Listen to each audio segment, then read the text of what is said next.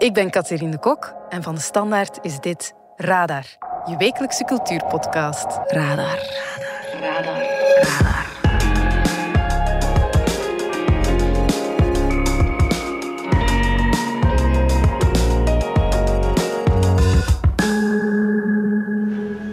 The name's Bond.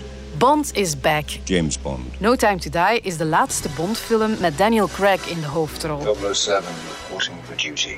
Heeft James Bond nog een toekomst na Daniel Craig? Well, I understand double O's have a very short life expectancy. Of zou 007 beter voorgoed met pensioen gaan? We horen het straks van filmrecensent Jeroen Struis. Weet nog hoe waar het begon? En hoe soft is stikstof geworden? Het hip-hop collectief van onder meer Zwangere Guy heeft een prima nieuwe plaat uit.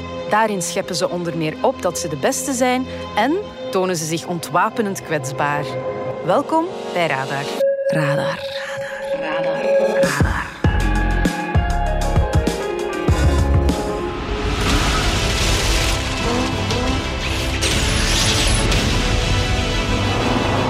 If we don't do this,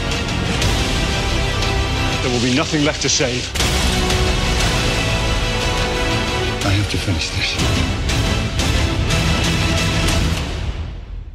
Jeroen Struis, filmrecensent. We hebben er twee jaar op moeten wachten op No Time to Die. Ja. Door allerlei productieproblemen en de coronacrisis werd de film telkens weer uitgesteld. Maar nu is hij er, de laatste Bondfilm met Daniel Craig in de hoofdrol. Maar als ik jouw recensie las, helaas, Craig eindigt niet in schoonheid. Ik vond het echt een, een, een, teleurstelling. Ik keek ook wel echt heel hard uit naar die film. Dat is natuurlijk het gevolg van twee jaar uitkijken naar iets. Maar het is gewoon, het, is, het ziet er gewoon echt belabberd uit. Het, is, het heeft ook niks meer van de klasse en de uh, stijl van de vorige, van de, van de recente Bondfilms. Um, het, het, het, scenario is, is eigenlijk heel dun, maar wordt dan eindeloos geroken om ja, bijna drie uur cinema te kunnen vullen. En waar gaat de film eigenlijk over? Wel, James Bond is met een soort van brugpensioen en hij is op een romantische vakantie met zijn romance uit de vorige film, Madeline Swan, gespeeld door Lea Seydoux. Het is een mooie vakantie, maar dan gebeurt er uh, iets.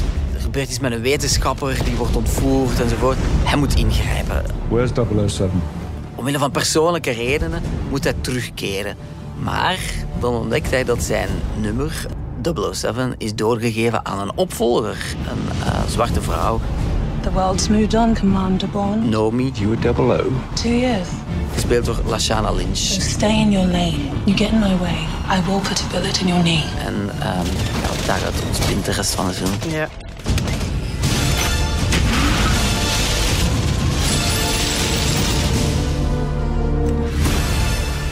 Nu, uh, Craig heeft 007 vijf keer gespeeld. Is hij ook jouw favoriete Bond? Ja, ik vind dat de Bond, en ik denk dat iedereen dat eigenlijk wel vindt, de Bond is toch Sean Connery. Die heeft ja, het... ik denk dat ik het Nee? daar toch niet eens Ja? met jou zal zijn. Maar Ja? kom. eh. Wie is voor jou de Bond? Ja, Daniel Craig. Ja, ja, ja, oké.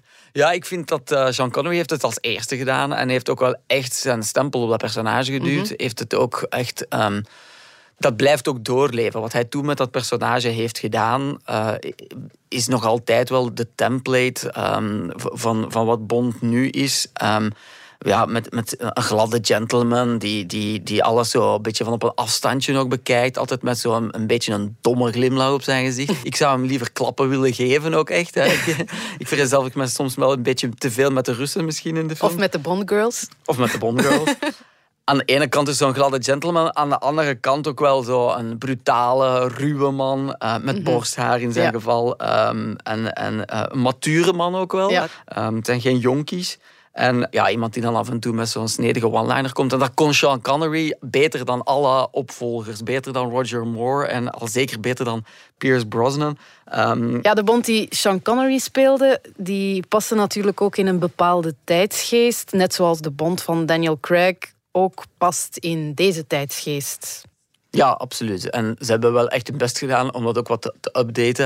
Er kwam ook wel behoorlijk wat kritiek op, op, hoe, uh, op hoe het vrouwbeeld in de, in de films naar voren komt, bijvoorbeeld. En ja, je ziet wel echt die Sean Connery van de beginjaren, ja, dat is echt gewoon een seksistische vent, racistisch ook. Ja.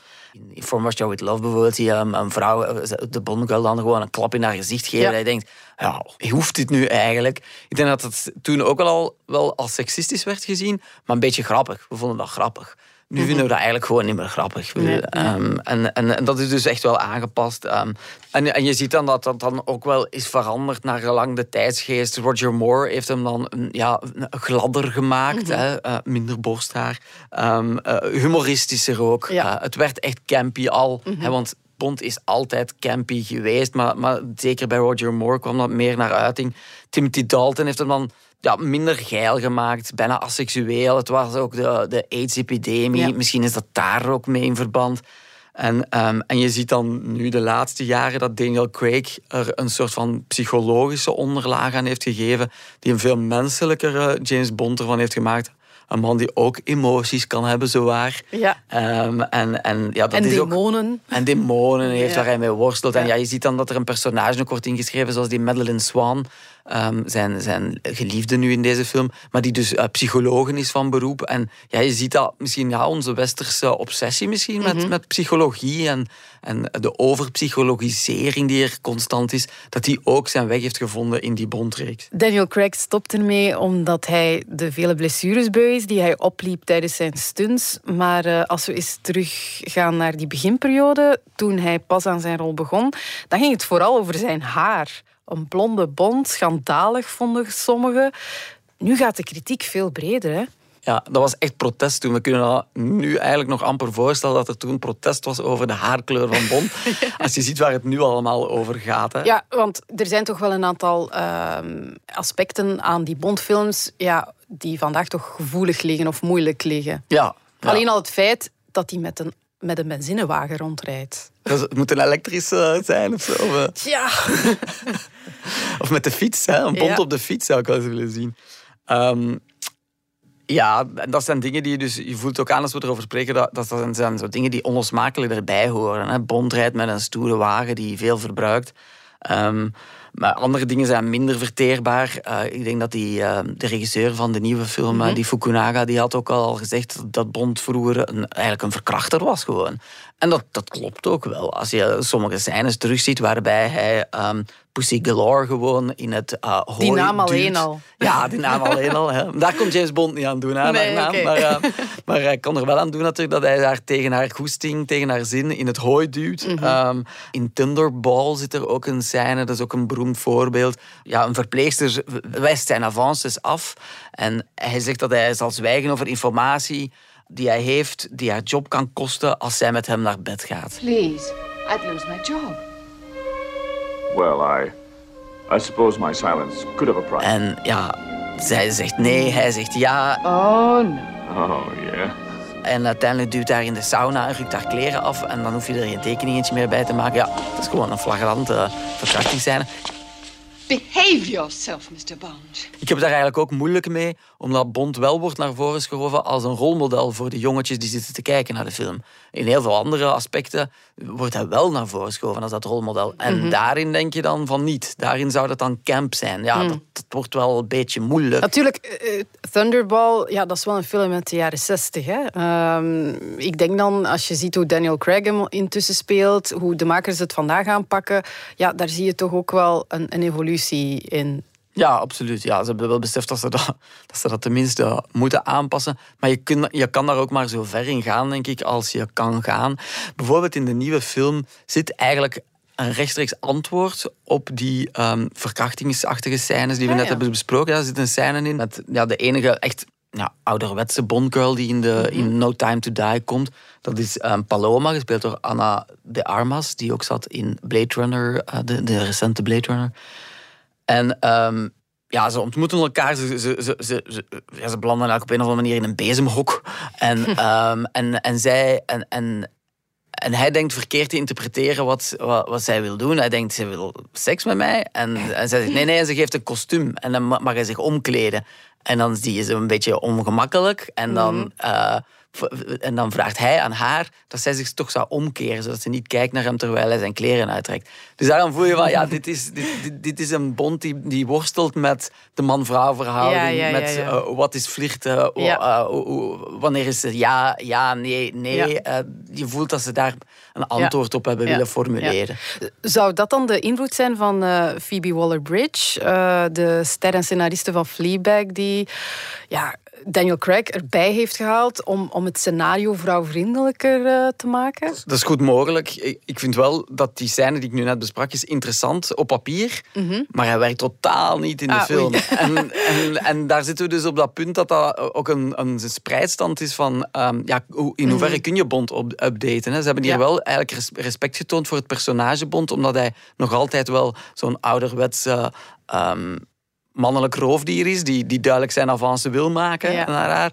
Ehm, maar je kan er ook geen... ehm, je, je kan James Bond denk ik heel moeilijk eh, compleet woke maken of zo. Ik weet, ik weet niet of dat zinvol is. Ja, ja, ja. ja je zei net al dat, die, eh, dat eh, 007, dat zijn nummer wordt doorgegeven aan een, aan een zwarte vrouw. Wordt zij dan de nieuwe Bond, Lashana Lynch? Ja, ik denk dat dus niet. Ik geloof dat niet. Er zijn veel fans die, die hopen van wel. Ja, ik vind wel dat het vrij duidelijk is in de film dat dat niet de bedoeling is. Dat dit een, eh, ja, een soort van tijdelijk ding is of zo. Ehm, en, en haar personage wordt ook niet echt uitgewerkt. Zoals, zoals eigenlijk niks in deze film echt goed Ai. wordt uitgewerkt. Barbara Broccoli, de producente, heeft al in interviews laten uitschijnen... nee, Bond eh, zal geen vrouw worden.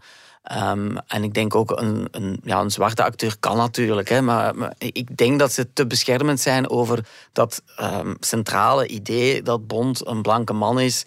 Ja, misschien nog wel conservatieve blanke man is. Ehm, een, eh, een heteroseksuele blanke man is ook. Ik denk dat zij ook denken dat hun kernpubliek ja, blanke jongens zijn. En er zijn natuurlijk ook heel veel andere kijkers, maar dat dat voor hen het kernpubliek is. En dat is ook waarschijnlijk het kernpubliek van ehm, die sponsors die zo belangrijk zijn voor Bond, die je ziet in de, in de, in de Bond-film, maar die zich ook een karretje daaraan hangen. Ja, ehm, die ook een kaartje daaraan hangen voor de reclames en zo. Ehm, voor hen is dat, dat is een marketingidee uiteindelijk. hè. En of wij fans dat nu eh, ouderwets vinden of niet, ja, zij houden daar niet zoveel rekening mee, denk ik. Dus, dus geen Idris Elba als nieuwe Bond, denk jij? Ik zou het hem absoluut gunnen. En hij zou het ook goed doen volgens mij. Hij heeft er de looks voor, hij heeft er de uitstraling voor, hij heeft er ook het pokerface voor. eh, maar ik vrees ervoor. Stel nu, eh, Jeroen, jij bent Barbara Broccoli. Jij mag kiezen wie de volgende Bond mag spelen. Wie zou jij kiezen? Dat is een tricky vraag, want als ik zou kiezen, zou, zou ik zeggen van ja, waarom niet eens een zwarte vrouw? We hebben al 60 jaar eh, blanke mannen. Eh, als het dan toch een blanke man moet zijn, doe dan eh, ja, Tom Hardy lijkt mij een grote kanshebber. Ja, als we dan toch mogen fantaseren, waarom niet Matthias Schoenaert? Oké, maar dan moet hij wel eerst eh, dat rijbewijs terugkrijgen om met die Aston Martin te kunnen rijden, denk ik. Inderdaad. No Time to Die, de allerlaatste Bondfilm met Daniel Craig, is nu te zien in de bioscoop. Jeroen Struis, bedankt voor het gesprek. Heel graag gedaan. Radar. Radar. Radar. Weet je nog goed waar het begon? Keken naar blad en keken nooit meer achterom. We stonden show, we waren warm, we waren jong. Namen geen blad meer voor de mond, een gladde tong. We gingen loco bij die allereerste song. Het nieuwe album van Stikstof is uit en het heet Familie boven alles. Nick de Leu van onze muziekredactie, vertel eens hoe ziet de familie van Stikstof eruit op deze plaat? Ja, die ziet er ondertussen al iets anders uit dan toen ze begonnen in 2014. Eh, toen gingen ze van start als een, eh, als een vijfkoppig collectief. Eh, daarvan is ondertussen al eentje eruit gestapt. MC Roscoe die is, eh, die is gestopt met, eh, met rappen om zich te focussen op een carrière in de tuinarchitectuur. Iets helemaal anders. Iets helemaal anders, inderdaad. Ehm, en, eh, en ook op, op, bij de vier die nu overblijven zijn er nog wat verschuivingen gebeurd. Astrophysics eh rapt normaal gezien ook. Ehm, die heeft er voor deze plaat voor gekozen om zich enkel te gaan focussen op de productie. En eh, DJ Vega die is er voornamelijk live bij. Die zorgt op de plaat wel voor scratches, maar die zijn stem hoor je ook niet. Waardoor het stikstof dat we horen op dit album ehm, eigenlijk maar twee stemmen heeft. Dat is eh, enerzijds Jazz Brak, dat is Jasper de Ridder. En anderzijds uh, Zwanger Guy of Gorik van Oudheusden. Dat zijn de twee stemmen nu die overblijven van de vier die er ooit mee begonnen zijn voor deze plaat. Ja, na de vorige plaat van Stikstof heeft Zwangere Guy een soloplaat gemaakt. Wie is Guy? Guy doet die zaken die jullie niet doen. 29 en al op pensioen. Ze shit is zo dope en ze shit is zo. Dokter Guy is weer op onderzoek. Ja, plots kende iedereen Zwangere Guy. Heeft zijn succes ook een impact op Stikstof en op, en op dit album? Ja, het zorgt er alleszins voor dat er, dat er iets meer naar uitgekeken wordt misschien. Hè. Mhm. Eh, ten tijde van de vorige stikstofplaat, Overlast, dat was in 2018, dat was nog voor het debuutalbum van Zwangere Guy moest uitkomen, dan werd er vooral wel gekeken naar, naar stikstof, maar was het nog iets meer underground dan het nu Mhm. is. En ondertussen heeft, eh heeft Zwangere Guy wel echt een naam opgebouwd in de Belgische popmuziek. Eh, er is geen AB die hij aankondigt of hij verkoopt hem uit. Hey yo, Brussel, what the fuck is zo? Ehm, en, en Wie is Guy heeft ook een, een gouden plaat opgeleverd. Dus er wordt wel, met aandacht gekeken als hij terug iets gaat doen met de groep waar hij eigenlijk mee, eh, mee begonnen is. Weet je nog goed waar het begon? Ja, je zei het al, er werd hard uitgekeken naar deze plaat. Ehm, ja, lost familie boven alles voor jou de verwachtingen dan in? Ik vind van wel. Het is, het is echt zo'n een, een rapplaat die, die aan, aan 100 per uur uit, eh, Mhm. uit de startblokken schiet. Je voelt dat ze, dat ze veel te vertellen hebben, dat ze het aan een hoog tempo willen doen ook. Eh, eh, het opent bijvoorbeeld met, met Nitro. Dat is, een, dat is een, een zeer filmisch nummer over, eh, over Brussel, over hoe Zwanger Guy naar Brussel kijkt, bijvoorbeeld. Hier is er altijd licht aan het einde van de horizon. Hier doet men zaken waar men dacht van dat het zo niet kon. Het grootste park is hier nog altijd van een koningdom. Hier rolt de cash alsof men constant monopolie won. En je voelt dat dat niet zomaar op, op 1, 2, 3 geschreven is. Het is echt zeer ehm Er is tijd over en, gegaan. en filmisch opgebouwd ook. Het is Mhm. echt een verhaal dat hij daarover wilt vertellen, over die, over die hoofdstad. Ehm, en ik vind ook het, het feit dat je nu maar twee stemmen hoort, dat werkt eigenlijk ook wel in het voordeel van die plaat. Het contrast tussen de stijlen van Zwangere Guy en van jazz is behoorlijk groot. Zwangere Guy kan al eens eh, zwoel klinken in zijn, in zijn raps en ook al eens heel erg ehm, ja, overdreven psychopathisch bijna. Heb het altijd al gezegd. Eerst de fams, daarna niks. Kan niet vertrouwen in het. Terwijl de jazz vooral een heel kalme, rustige grafdelverstem heeft bijna. Door de ruiten, jij vliegt buiten, stelen bruiden, dikke huiden, verre zuiden. En dat contrast dat zorgt wel voor, voor, veel, voor veel variatie. En dat maakt het ook wel, wel fijn om naar te luisteren, vind ik. Ja, er, er wordt ook weer eh, flink aan bragging en boasting aan opschepperij gedaan hè, op deze plaat. Kom binnen als een bus in het depot. En draag oldschool Nikes, jij de retro's. Ik tel mijn stappen net een baron. Dubbel barrel en een dikke karton, geen karting. Taxi life, ik kom met honger, geef al boter en brood. Na de limoncello wordt hier alles gesloopt. Ja, het is een, het is een klassieker in de, in de hip-hop, maar ook een beetje waar, waar, waar stikstof mee begonnen is. Het volgt ook logischerwijs uit een rapgroep zijn. Hè. Ehm, eh, hip-hop is- heeft, heeft een, een sterke geschiedenis van, van battle raps. hè. Dat zijn mensen die tegen elkaar proberen op te tornen met, met om ter creatiefst of om ter grappigste punchlines. Mhm. En als je in een groep zit met vier rappers, zoals ze ooit begonnen zijn, ja, dan wordt dat vanzelf ook wel weer een beetje een opbod. Mhm. Dat hoort er eigenlijk wel bij. En telkens is die, is die boodschap van ja, wij zijn de, de beste, de rest komt Mhm. nog niet aan onze enkels. Eh, en dan zeker nu ze met twee zijn, ja, worden ze daar ook steeds creatiever of, of gevatter in, denk ik. Mhm, Een, een van de leukste punchlines die erin zit bijvoorbeeld, komt, komt van Jazz. Die zegt... Al mijn baas die blijven hangen vanaf dat ik ze leg. Met uw is als een story, die is morgen weer weg. Ik vind dat een heel grappige punchline. Ja, die story dat slaat uiteraard op de, op de stories op, op Instagram of op Facebook die je even kan zien en die daarna weer verdwijnen. Er blijft niks van hangen, is dan de boodschap. Mhm. Ehm, ja, het klinkt natuurlijk iets minder fascinerend als je het zo gaat uitleggen. Dat is een beetje zoals moppen uitleggen. Ja. Eh, mag je ook nooit doen. Ehm, maar het, het, het fijne of het, of het interessante aan dat soort raps is ook altijd de, de rijmschema's en de structuren waarin die, die ingebed zijn. Het is in die hele, die hele vibe dat je die moet horen. En dan Mhm. ja, landen die ook veel beter. Daarom wordt het ook punchlines genoemd. Het moet voelen als een, als een klap die je krijgt aan Ja. het einde van zo'n verse. Ja, ja. Oké, maar wat heb ik eraan als luisteraar om iemand te horen opscheppen over hoe hij of zij de beste is? Ja, je moet er natuurlijk niet louter letterlijk gaan nemen. Hè. Inderdaad, Mhm. als, je het op, als je het op die waarde gaat nemen, dan heb je daar misschien weinig aan. Ehm, maar eigenlijk speelt bij, bij pakweg singer-songwriters een, een zeer gelijkaardig mechanisme. Ehm, we kunnen luisteren naar een, een singer-songwriter die een liedje schrijft over zijn lief dat hem verlaten heeft, bijvoorbeeld. Ehm, en daarvan zeggen we ook niet, ja, maar mijn lief heeft me niet verlaten, dus ik herken het niet. Nee, misschien eh, herken je dat gevoel van verdriet omdat je onlangs een ouder verloren bent, Mhm. bijvoorbeeld.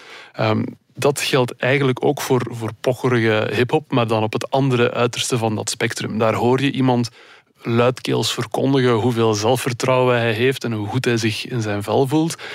En als je daar dan naar luistert, dan ja, is dat een beetje brandstof voor, voor het zelfvertrouwen in jou ook. Hè. Mhm, mhm. Ja, je krijgt er wel energie van. Hè? Ja, het is de bedoeling om daar ergens een, een, een boost in te vinden. Hè. Dat merk je ook bijvoorbeeld eh, tijdens de Olympische Spelen. Was er een playlist die, die gemaakt werd door, door Sportza. Waar, die zijn dan onze Olymp- Olympische atleten toen gaan vragen van wat zijn de platen waar jullie naar luisteren vlak voor je een wedstrijd moet, moet doen. En daar zat ook wel flink wat hip-hop tussen. Ik denk bijvoorbeeld bij, bij Martin van Riel, een, een triatleet. Daar zat Till I Collapse tussen van Eminem. Sometimes you just feel tired, feel weak. And when you feel weak, you feel like you want to just give up. But you gotta search within you. Try to find that inner strength. Ja, dat is eigenlijk een, een song waarin dat Eminem voornamelijk uitlegt hoe goed dat hij wel niet kan rappen. Ja, Martin van Riel luistert daar niet naar om die reden. Hè. Till I collapse, I'm spilling these raps long as you feel them. To the day that I drop, Hij luistert ernaar omdat uit die song een soort van engagement, een soort van toewijding spreekt. Het gaat over toewijding hebben voor iets en daarin kan je je dan wel weer herkennen. Ja. Nu, als we de mannen van Stikstof vergelijken met eh, andere internationale hip-hop-artiesten, ja, dan zijn ze eigenlijk best bescheiden. Hè? Laten we eens luisteren naar ja, Kanye West bijvoorbeeld. Ja. Yeah. I know I'm the most influential. That time cover was just confirmation. This generation's closest thing to Einstein. So don't worry about me, I'm fine. Ja, dat is natuurlijk eh, Kanye West die je daar hoort. Het is een beetje de koning van de, van de grootspraak geworden. Ehm, de meest megalomane rapper eh, op aarde is misschien. eh, maar niet altijd de, de meest gevatte of de meest creatieve metaforen wilt gebruiken. Eh, Ik denk als je, als je daar naar op zoek bent, dan kom je misschien eerder uit bij, bij iemand zoals Megan Thee Stallion, die op zeer creatieve manieren kan zeggen eh, hoe geweldig ze wel niet is.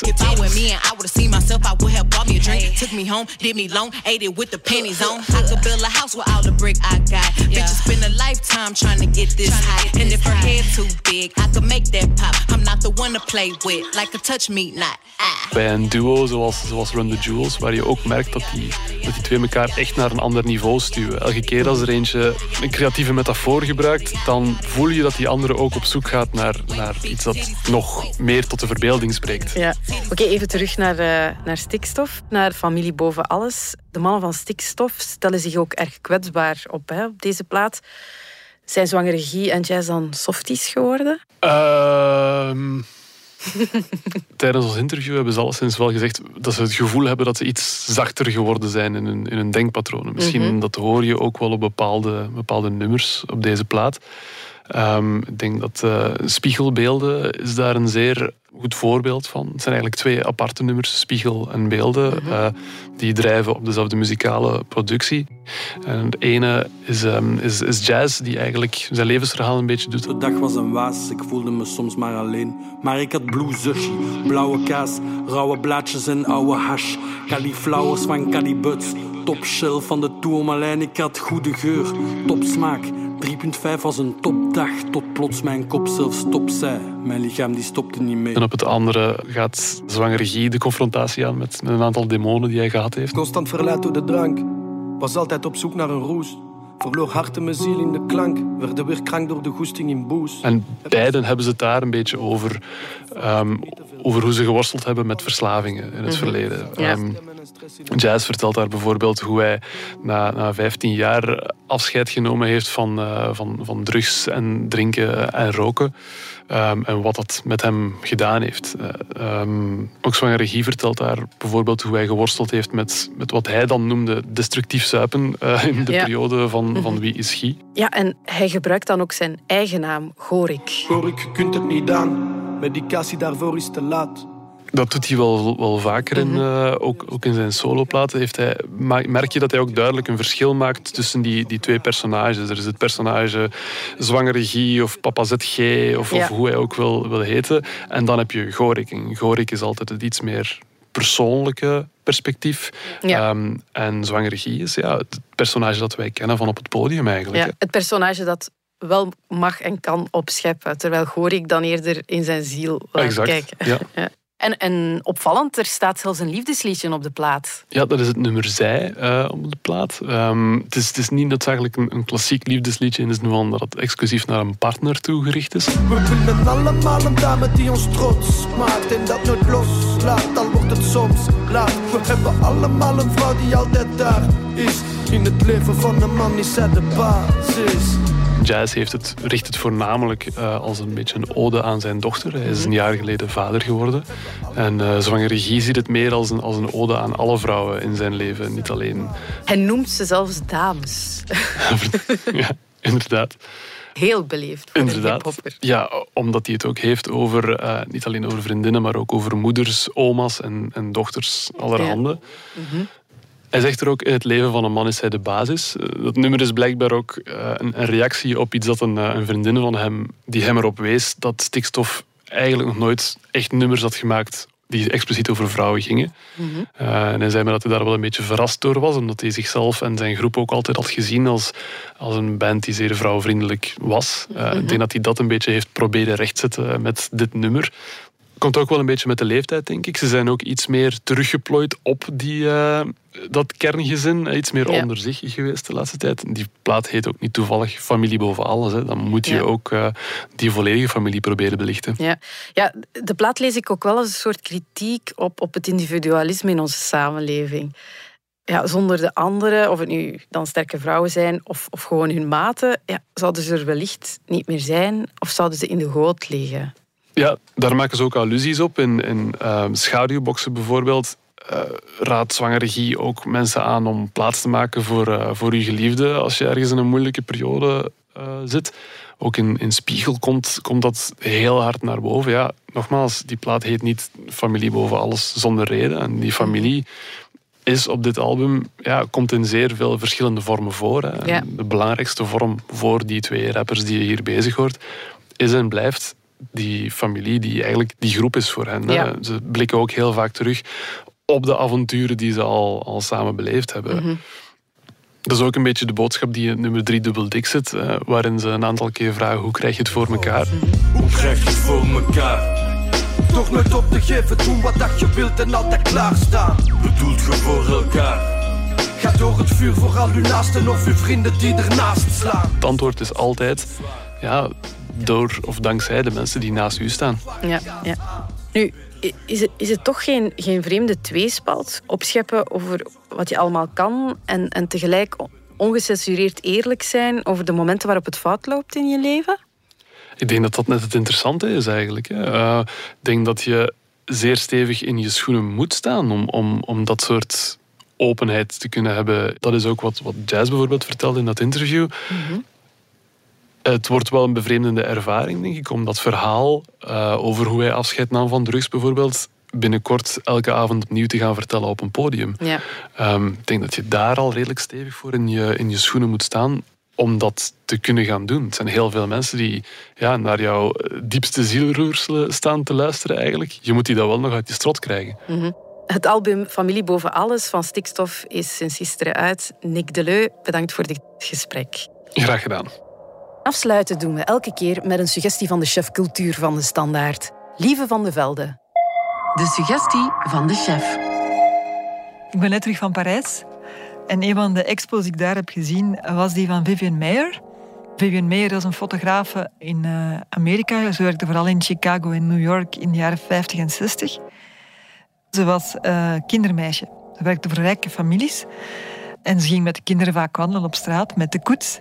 En ze was dus uh, heel hard gehecht aan het straatleven, het observeren van mensen.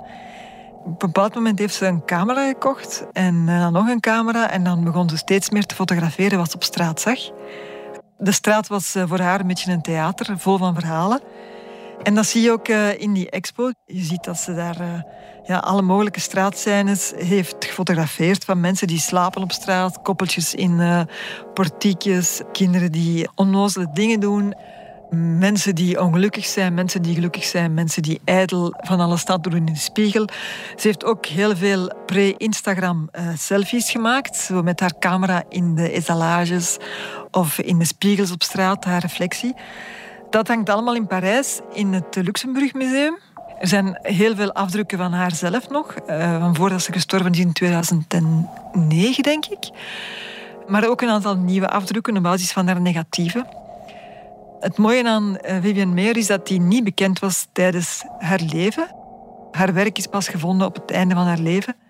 En dat geeft alles ook nog een extra mythische uh, dimensie. Wat mij ook opviel, ze was uh, heel hard gepassioneerd door kranten en mensen die kranten lezen. En hoe dat papieren krant mensen samenbrengt. Hier is bijvoorbeeld een heel bekende foto van drie mensen die samen een krant lezen op de hoek van de straat. En dat geeft een heel typisch sfeerbeeld van toen. Je ziet eigenlijk doordat zij die mensen fotografeert, dat zij constant met een zekere afstand naar het leven keek en eigenlijk een heel eenzaam persoon was. En dat maakt die foto's ook extra mooi, omdat je op die manier ziet dat ze toch probeerde van uh, op een of andere manier het leven te vatten, zonder er echt in te staan. Het kan ook een mooie positie zijn aan de rand van de samenleving en als observator in plaats van als deelnemer. En het heeft in haar geval hele mooie dingen nagelaten. Radar. Radar. Radar. Dit was Radar, de wekelijkse cultuurpodcast van de Standaard. Bedankt voor het luisteren. Volgende week zijn we er opnieuw. Radar bundelt ook cultuurtips in de Standaard Weekblad en in de nieuwsapp van de Standaard. Luister zeker ook naar onze nieuwspodcast vandaag, je dagelijkse nieuwsverhaal in 20 minuten. Ken je DS Podcast al, de nieuwe podcast-app van de Standaard? Daar luister je niet alleen naar al onze journalistieke reeksen, je krijgt er ook elke week een eigenhandige selectie van onze redacteurs. En je vindt er ook al je persoonlijke favorieten. Download gratis de app.